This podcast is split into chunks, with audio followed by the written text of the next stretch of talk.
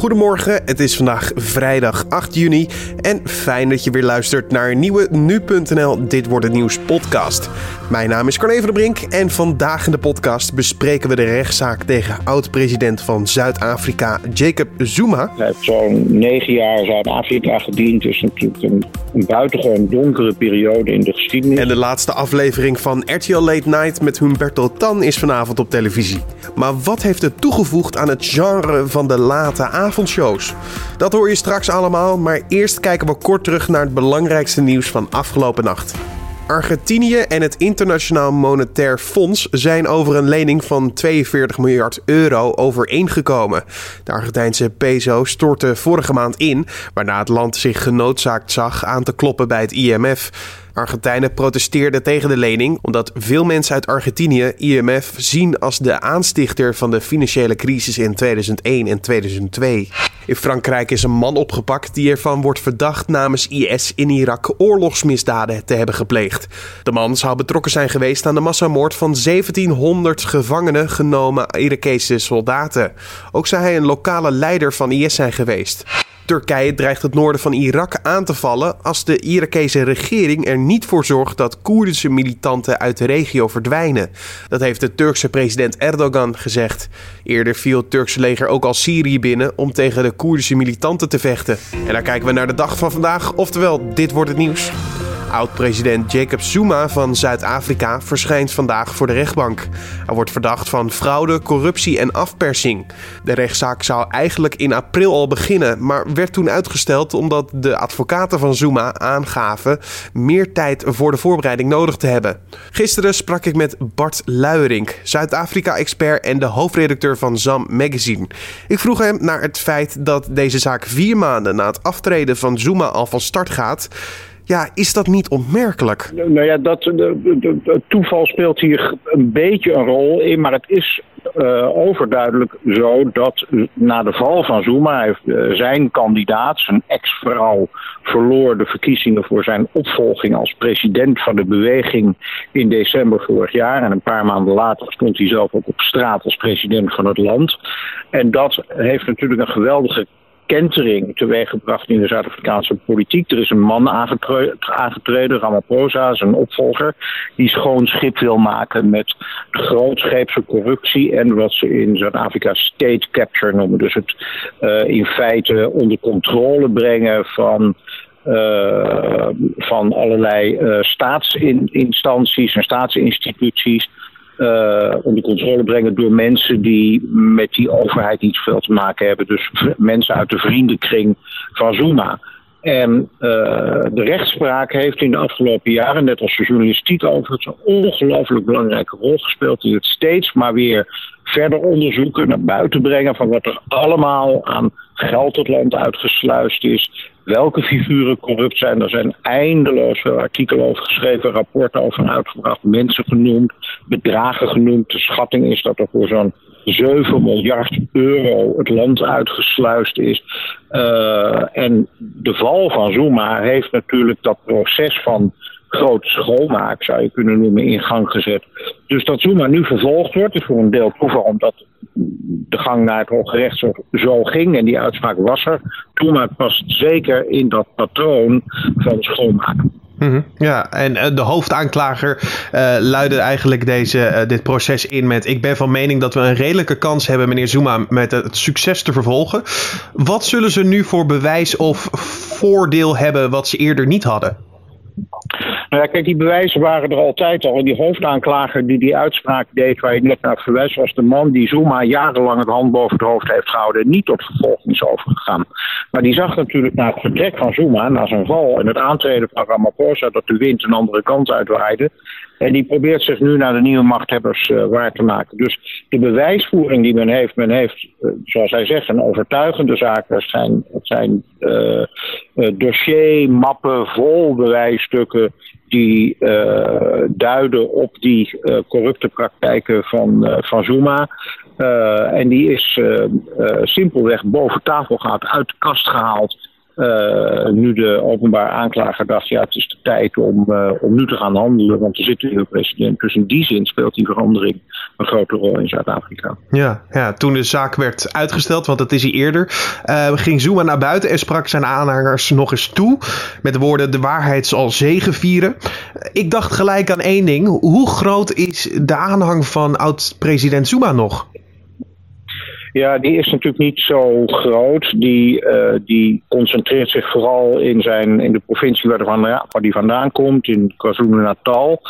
Uh, het is wel een fanatieke aanhang. En een deel van die aanhang zit ook nog steeds op posities van de staat. Uh, ik noemde net de openbaar aanklager. Nou, die lijkt nu gedraaid te zijn. Maar die heeft natuurlijk ook nog allerlei medewerkers die eerder zich zeer loyaal aan Zuma betoogd hebben. Ook bij een aantal andere uh, overheidsinstituties vind je die mensen nog. Bij de politie, bij een deel van het vervolgingsapparaat, nou, enzovoort, enzovoort. Uh, dus in die zin heeft hij nog wel het nodige in de melk te brokkelen. En uh, zal hij, denk ik, en daar heeft hij gisteren ook op geduid met een uitspraak. Dus als jullie me provoceren, dan zal ik keihard terugslaan.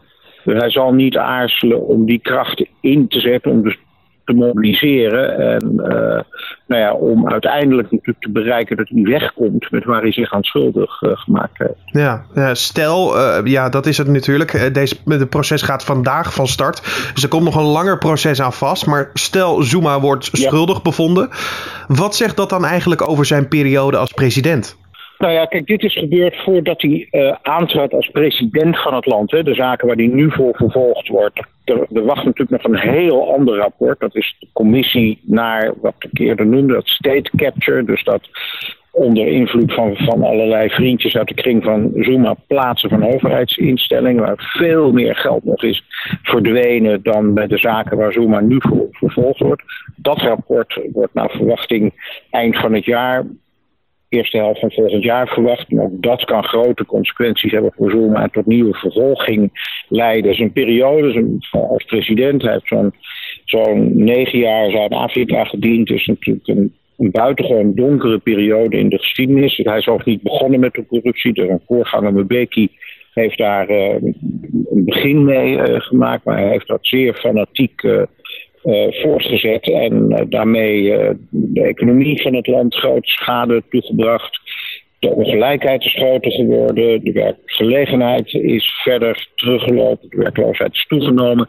Kortom, het is een zeer donkere periode waarin een kliek van mensen rond Zuma zich schaamteloos verrijkt heeft.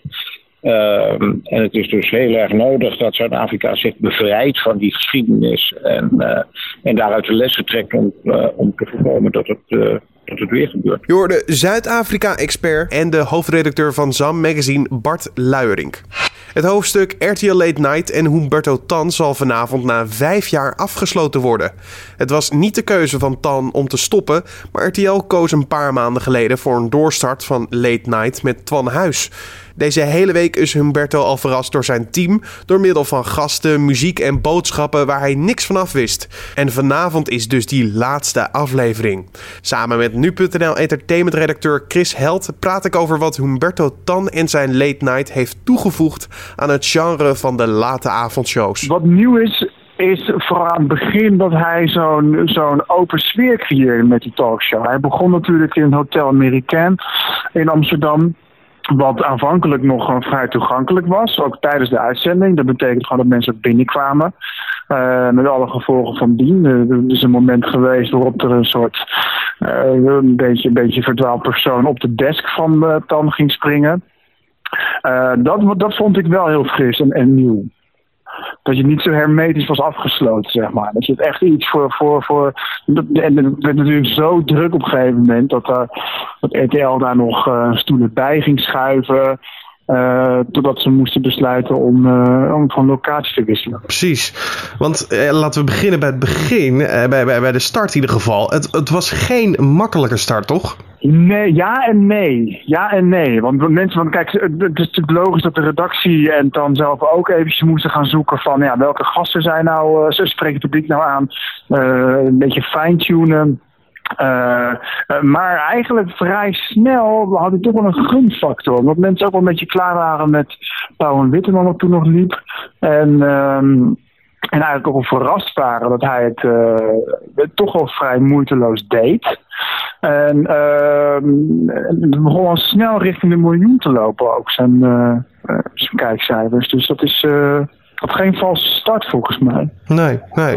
Maar dan moeten we wel kijken, hè? Je, je, hebt het al gezegd, de miljoenenman van RTL, zeker voor een lange periode. Hoe kan het dat deze persoon, Humberto Tan, uiteindelijk door dezelfde bazen waardoor hij aangenomen is, ja, eigenlijk de opdracht heeft gekregen om afscheid te moeten nemen van zijn late night? Ja, ten eerste is geen enkel programma is voor eeuwig. Dat staat gewoon vast. En het is gewoon heel moeilijk om, om vast te stellen en in te schatten wat het publiek nou wil en hoe lang ze dat willen. Uh, laten we niet vergeten dat, dat RTL geen meerjarenplan had voor Late Night, voor zover ik weet. Dan zelfs, die zei dat hij, uh, dat hij een paar shows wilde volhouden. En, en hij wilde het volgens mij het eerste jaar tot en met december sowieso volhouden. Nou, dat zijn, dat zijn nu vijf seizoenen geworden. Uh, en dat is nog op zich is dat best wel, uh, dat is best wel een prestatie. Kijk, het is makkelijk om nu in hindsight te zeggen. Het ligt misschien aan die geruchten over die vermeende affaire die hij had. Het ligt misschien aan het gebrek aan kritiek in de omgang met zijn gasten. Uh, het ligt er misschien aan dat uh, dan te veel RTL-corriveeën ging, ging opdienen. Dat er veel promotie werd gemaakt voor RTL-programma's. Ehm, dat zijn eigenlijk ook allemaal gevoelskwesties. Um, dus hoe het komt, ja, weet je, tv werkt zo. Uh, het werkt op kijkers en advertentieinkomsten. Uh, RTL zit in het algemeen in onrustig vaarwater. En dan is het vrij logisch dat er, een, dat er geprobeerd wordt om uh, een groot boegbeeld toch weer op te poetsen. Boegbeeld in de vorm van late night. En het met een andere presentator te proberen. Ja, denk je dat dan dit niet gezien wordt als een verlies voor RTL of TAN? Ja, zeker wel. Maar kijk, maar dat snapt de kijker ook wel. Weet je, het is ook met soapacteurs die komen en verdwijnen. Het is met spelletjesprogramma's die komen en verdwijnen. Uh, het is niet zo dat we het hebben over een politieke partij die opeens weg is, waardoor een hele grote groep mensen zich opeens ontheemd voelt. Weet je, mensen begrijpen ook heus wel dat dit er gewoon een, een product is uit de entertainmentindustrie en dat die een bepaalde houdbaarheidsdatum hebben. Ja, ja, en die nieuwe houdbaarheidsdatum gaat voor een nieuwe late night gaat die binnenkort in. Want dan uh, gaat het een hele nieuwe kant op met uh, Twan Huis als uh, presentator. Ja, wat, wat zijn de verwachtingen van het nieuwe late night? Het zou mij niet verbazen als we over vijf jaar een soortgelijk gesprek houden. Want ik denk dat, kijk, Jinek gaat nu met zwangerschapsverlof. Uh, ik weet niet wanneer die terug zal zijn. Misschien wel weer voor het komende seizoen. Uh, maar ja, weet je, Van Huis is fris, moet zich wel bewijzen. Moet ook maar eerst maar eens gaan bewijzen of hij überhaupt uh, die entertainment uh, inslag uh, kan verwerken. Het is trouwens ook helemaal niet duidelijk dat het een soortgelijk programma gaat worden. Het enige wat we weten is dat het naam hetzelfde blijft en dat de, het uitzendtijdstip een beetje hetzelfde blijft. Hoe het inhoudelijk verder gaat, dat weet eigenlijk niemand. Kijk, Twan heeft wel zijn eigen eindredacteur mee van Nieuwsuur. Dus dat voorspelt wel misschien uh, iets, iets uh, strengere onderwerpskeuze wellicht. Maar hoe het echt gaat worden, weet niemand. Maar ik denk dat de eerste maanden uh, toch wel goed zullen zijn. Want mensen vinden het leuk. Nieuw gezicht. Hij is natuurlijk helemaal... Hij staat natuurlijk voor niks wat RTL uitstraalt, die Twan Huis. Dus die combinatie wordt ook wel grappig. Um, dus ik, ik denk wel dat ze, dat, ze daar, uh, dat ze aanvankelijk wel mee gaan scoren. Je hoorde nu.nl entertainment-redacteur Chris Held. En later op de dag kan je op nu.nl ook nog een artikel vinden over de hoogte- en dieptepunten van de afgelopen paar jaren van RTL Late Night. En dit gebeurt er verder vandaag nog. De Oranje Vrouwen spelen om half negen hun zesde WK-kwalificatiewedstrijd. De ploeg van bondscoach Sarina Wiegman treft Noord-Ierland in Portadown. Nederland gaat na vijf duels met 13 punten aan de leiding in de groep. Alleen de groepswinnaar plaatst zich rechtstreeks voor het WK van volgend jaar in Frankrijk. Jammer genoeg moet Oranje het wel doen zonder Vivianne Miedema. Zij is er namelijk vanavond als spits niet bij. En dan kijken we naar waar onze collega's vandaag over schrijven. Ouderen blijven langer depressief dan jongeren. Dat schrijft Trouw naar aanleiding van onderzoek van het Amsterdamse UMC. Jongeren lijken beter aan te slaan op de behandelmethodes en zijn vaak binnen twee jaar van de depressie af. Bij ouderen duurt het vaker langer. NS-topman Roger van Bokstol wil reizigers 40% korting geven als ze de spits tussen half acht en half negen mijden. Zo wil hij reizen met de trein aantrekkelijker maken. Zo zegt hij in de Telegraaf van vandaag: Ik wil het treinkaartje graag goedkoper maken, maar dat kan ik niet. Extra korting in de randen van de spits kost ons jaarlijks 35 miljoen euro. Voor de goedkopere treinkaartjes heeft de NS-baas het kabinet gevraagd dat bedrag op te nemen in het budget om de klimaatdoelen te halen. Nou, nog even het weer van vandaag. In het zuiden begint de dag regenachtig. Kans op regen en soms zelf onweer neemt geleidelijk toe in het oosten van het land. In de rest van het land is de kans dat het droog blijft groter. Ondanks de regen wordt het warm met temperaturen tussen de 23 en 29 graden. En dan nog dit. Een opmerkelijk voetbalnieuwtje. Natuurlijk hebben we de Oranje Vrouwen gehad, maar dit is toch wel van een hele andere orde. De Ghanese regering heeft de Ghanese Voetbalbond opgeheven. Dat gebeurde nadat de voorzitter van de bond werd betrapt op het aannemen van geld van een zogenaamde sponsor. De nieuwe voorzitter was juist aangesteld om de corruptie binnen de bond te bestrijden. Na dit bericht is het nog niet bekend hoe de toekomst van het Ghanese voetbal ja, er binnenkort uit gaat zien. Dit was dan de Dit wordt het nieuws podcast voor deze vrijdag 8 juni. Je vindt de Dit wordt het nieuws podcast natuurlijk elke maandag tot en met vrijdag om 6 uur ochtends op de voorpagina van nu.nl of je desbetreffende podcast app zoals iTunes, Pocketcast of Spotify. Abonneer je ook gelijk even op de podcast, volledig gratis natuurlijk, maar het voordeel daarvan is dat elke ochtend de podcast speciaal voor jou klaar staat. En we hopen natuurlijk dat je ook kan laten weten wat je van de podcast vindt via mailtje naar redactie.nu.nl of een recensie op iTunes. Voor nu wens ik je een mooie dag en natuurlijk tot maandag.